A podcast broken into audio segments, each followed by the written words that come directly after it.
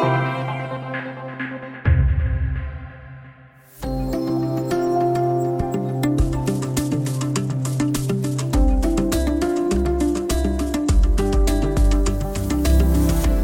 Dagens Nyheters reportage om den norska skolkoncernen som utan förvarning införde engelska i en grundskola i Sollentuna har väckt kraftfulla reaktioner. Från förtvivlade elever, från föräldrar som undrat hur det kan vara möjligt och från politiker som värnar om svenskans ställning i skolan. Studio DN idag om den tilltagande internationaliseringen av svenska skolan. Jag heter Lasse Bengtsson.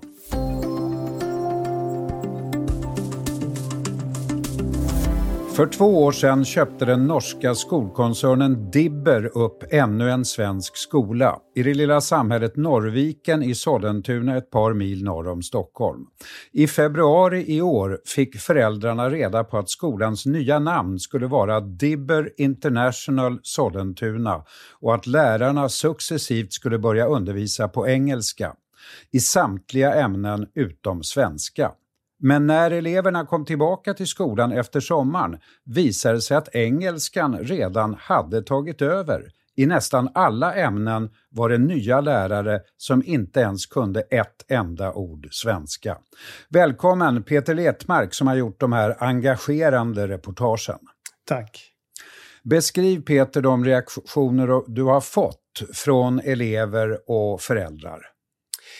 Jag har ju bara pratat med föräldrarna då som eh, berättar om sina barn, hur chockerade de var, hur de kom hem och grät efter skolan och hur de eh, förlorade sitt självförtroende. Och eh, det var inte bara det att de inte kunde prata med sina lärare på svenska utan de fick inte ens prata med, sin, med varandra på svenska. Så att de blev rejält tilltufsade och knäckta kan man säga. Och lärarna kunde inte ens någon svenska, förstår jag. Nej, utan det var, eh, det här var en mellanstadieklass med 11-åringar då. Och då fick de sina principiella lärare då, var engelsktalande. Den ena kom, hade en stark indisk brytning så att de hade väldigt svårt att förstå henne. Och de tyckte också det var svårt att eh, härma den engelska som hon hade. Och sen så hade de en lärare i NO-ämnena som kom från Holland och eh, han hade inte ens svensk, äh, engelska som modersmål. Så föräldrarna tyckte också att det var lite konstigt att äh, de ska lära sig engelska från personer som har dels en stark brytning och dels inte har engelska som modersmål. Har du talat om dåligt självförtroende förstås från, från eleverna och, och flera mådde rejält dåligt vad jag förstår? Ja, det har de mått dåligt. Eh, och de förlorade lusten att gå till skolan. Och de fick också höra... De kände sig ganska dåliga helt enkelt. Den känslan ska man inte ha när man går i skolan. Och en pojke, han hade fått ehm, en panikångestattack. För han berättade för sin mamma då att eh, han hade varit borta, hade varit sjuk några dagar, skulle tillbaka till skolan och ta igen det han hade miss, missat då. Och han visste inte hur han skulle fråga sina kamrater och läraren på engelska. Hur tar jag reda på vad det är jag ska ta igen? Så han kunde inte göra sig förstådd och fick en panikattack. Helt enkelt fick gå till skolsköterskan och kontakta kuratorn. Så att de, det är verkligen ganska saftiga historier tycker jag. Mm, verkligen. Eh, varför blev det då så här? Ja, så här beskriver skolchefen Sara Lundberg det skolkoncernen Dibber ville göra? Det som, eh, som vi ville göra när vi tog över skolan, det var ju liksom att, att hitta en lite ny profilering och kanske locka liksom lite andra elevgrupper och, eh, och liksom utveckla skolan, för det kändes som att det fanns ett behov av det. Också utifrån att man, det efterfrågas idag av många, både elever och vårdnadshavare. Man, liksom, vi blir ju mer världsmedborgare och engelska språket är, är viktigt i utbildningen. Världsmedborgare, säger Sara Lundberg. Men hur kunde det vara möjligt att genomföra en sån här förändring utan tillstånd dessutom? Ja, det är så att det är ganska löst regelverk i Sverige. Det är klart att man måste ha tillstånd. Men här visade det sig att man kunde dra igång med det här utan att ha tillstånd. Och eh, det var ju först när föräldrarna efter flera veckor reagerade som, och de anmälde skolan till Skolinspektionen. Då lämnade de in en ansökan om att få undervisa engelska. Så de har ju fortfarande inte någon, något tillstånd att undervisa engelska. Och eh, den enda repressalien som verkar kunna komma att bli aktuell här, det är att de helt enkelt får ett föreläggande om att de inte får undervisa på engelska. Så att det är inte särskilt... Eh, de har inte särskilt mycket att förlora på att göra så här, mer än sitt rykte. Vilket jag tror att de verkligen eh, försöker, de försöker återupprätta sitt rykte nu. Men även Peter, om skolan hade haft tillstånd, får verkligen all undervisning vara på engelska i en svensk skola? Nej, det är därför man ska söka tillstånd. För då, i den tillståndsansökan så får man då ange och förklara för Skolinspektionen hur har man tänkt att den här engelskundervisningen ska, ska gå till. För att eh, man får, när det gäller så här små barn så får man ju absolut inte ha 100% engelskundervisning. Utan man får ha kanske 20, 30, 40 procent engelska. Och inte de här ämnena, till exempel svenska har jag ju naturligtvis på svenska. Men de flesta har ju samhällsorienterande ämnen brukar man ha på svenska. För att det krävs för att man ska klara av läroplanen och kunskapsmålen i den svenska skolan. Men du, eh, vilka är Dibber egentligen? Jag kände inte till dem själv, eh, men de tycks vara en starkt expanderande kraft i den svenska skolvärlden.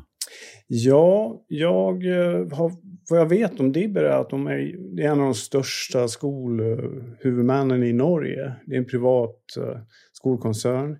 De har köpt, de har i Sverige 14 grundskolor och 75 förskolor. Så de, eh, de är en jätteaktör faktiskt. Och det som slår en här är att hur en så stor aktör kan agera så här naivt.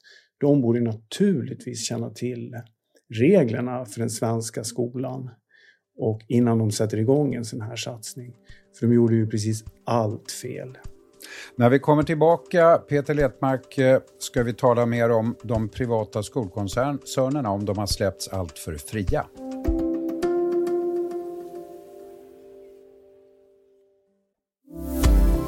Ja, Peter Letmark, eh, den norska skolkoncernen Dibber alltså som eh, tar emot stora pengar i svenska statsbidrag, mer än 33 miljoner om året plus skolpeng. Är det så lätt att få pengar bara man säger ordet världsmedborgare? Ja, kanske skulle man kunna tolka det här så. Det är väldigt lätt i alla fall att Eh, etablera eh, sig på den svenska skolmarknaden, för den är väldigt fri, så att säga. Och det pågår ju en eh, jätte, vad ska man säga, engagerad strid om det här. Och vi har ett system där friskolorna kan så att säga gå väldigt långt. De kan få samma peng som de kommunala skolorna för att ta emot elever och en del menar att de har ju ett inte lika stort ansvar helt enkelt. Och en del tycker att de så att säga väljer elever med pincett, alltså väljer enkla elever som är, inte kostar så mycket och så tar de emot samma pengar som de kommunala skolorna. Så den debatten pågår och eh, framförallt då kring att eh, sådana här koncerner kan ju också gå med vinst och plocka hem vinstpengar som så att säga bygger på skattebetalarnas, eh, de svenska skattebetalarnas pengar. Ja, för du sa själv att det var inte så mycket till repressalier direkt, någon slags varning. Man kan ju undra, eh, ska man inte betala tillbaka statsbidragen då, över 30 miljoner kronor, alltså plus skolpeng? Ja, det här är ju då, de här 30 miljonerna är ju, om man ska vara rättvis då, det är ju från de 14 skolorna som den här koncernen driver. Så att det är 14 skolor som har delat på de här pengarna. Mm. Och där kan man ju säga att eh, de skolorna sköter sig ju. Så att det är den här skolan som inte sköter sig. Och eh, jag skulle också säga att jag tror att Dibber är lika förskräckta som vi är, så att säga. Jag tror inte att de hade önskat det här, utan det här är ett en, ett schabbel från den här skolledningens sida. Jag tror att de gör vad de kan för att reparera den här skadan på sitt varumärke.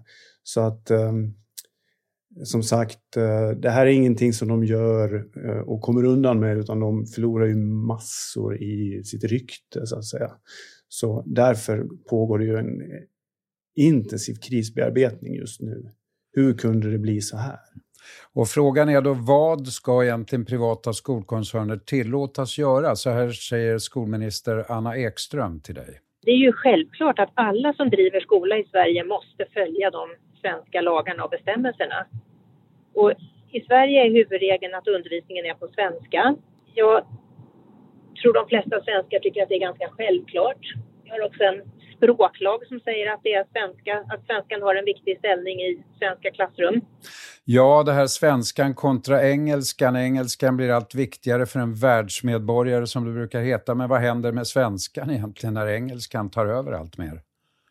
Ja, det kan man ju verkligen fråga sig. Och om jag var vårdnadshavare och skulle välja mellan... Vi har ju ett sånt eh, skolsystem där man som vårdnadshavare ska ta reda på information om skolor så ska man välja den skolan man tror passar ens barn.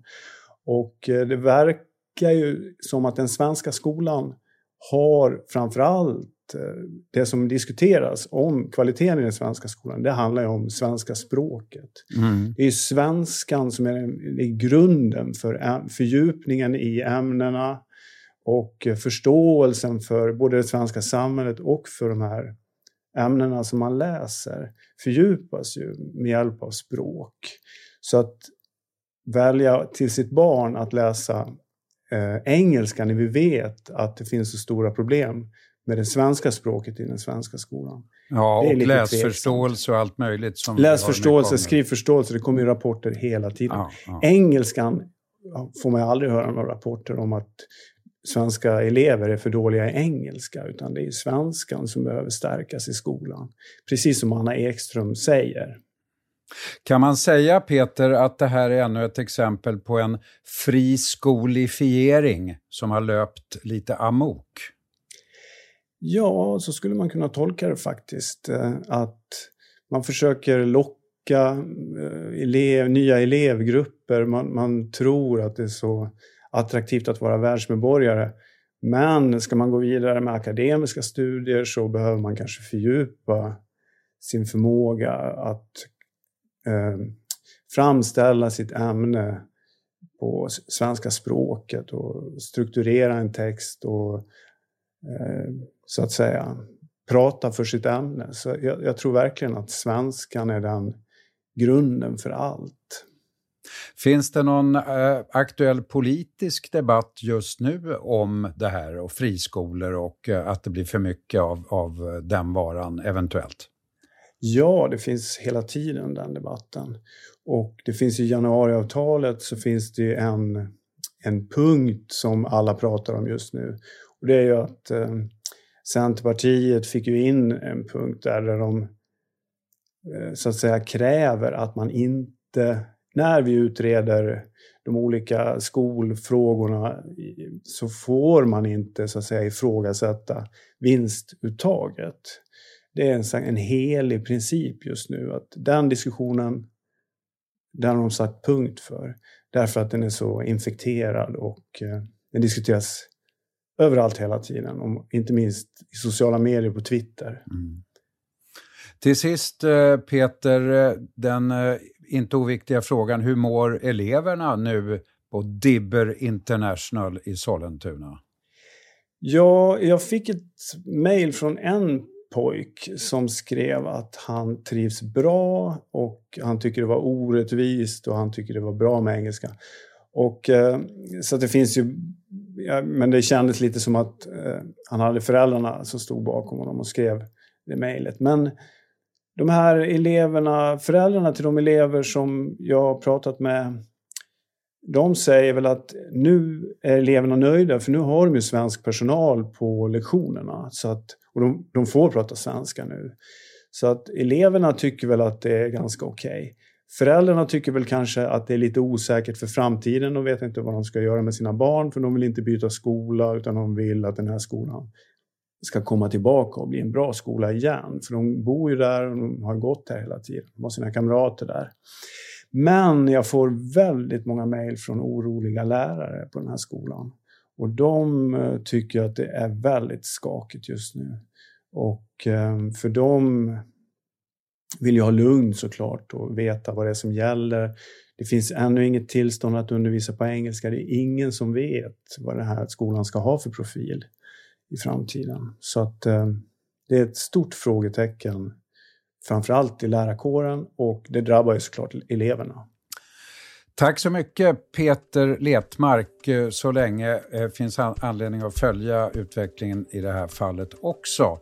Studio DN görs för Podplay, producent Sabina Marmelakai, exekutiv producent Augustina Erba, ljudtekniker Patrik Miesenberger, teknik Oliver Bergman, Bauer Media. Jag heter Lasse Bengtsson. Vi hörs.